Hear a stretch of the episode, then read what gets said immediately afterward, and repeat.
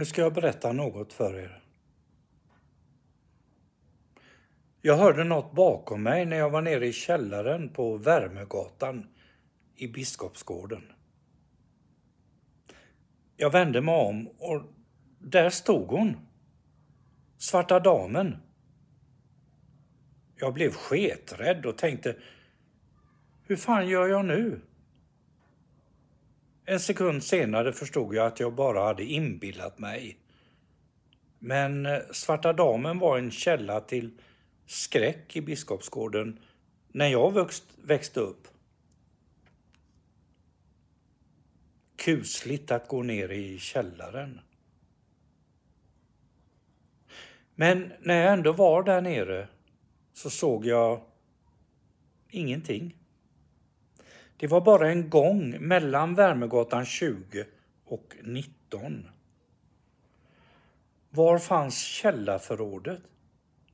Ja, jag har inte fattat det än idag. Men det fanns en lämplig passage.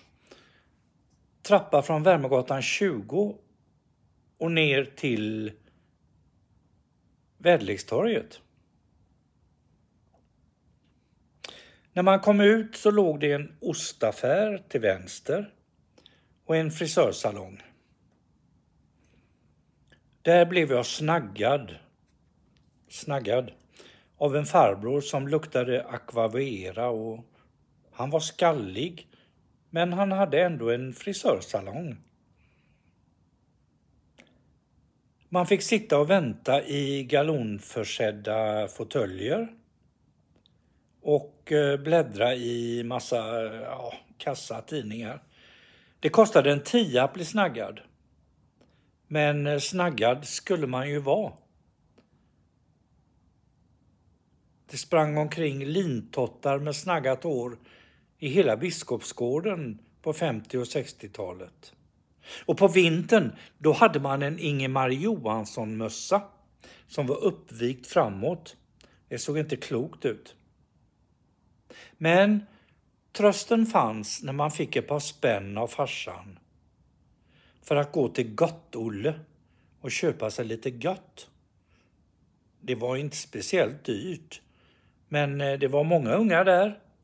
Och det var, vi köpte ettöres och vi köpte pipe de här eh, eh, glassarna, eller ja, fruset eh, jordgubbsvatten eller vad fan det var. Och så fransk nougat i olika schatteringar. Och eh, Dixiekolen naturligtvis. Och så Mintolux. Var det lördag så stod de stora grabbarna, stora tuffa grabbarna i gången mellan fiket och torget, Väderlekstorget alltså och passade en flaska brännvin mellan sig. De drog fram en stålkam och så kammade de sig och stilade sig. Sen började de slåss. Pang bom.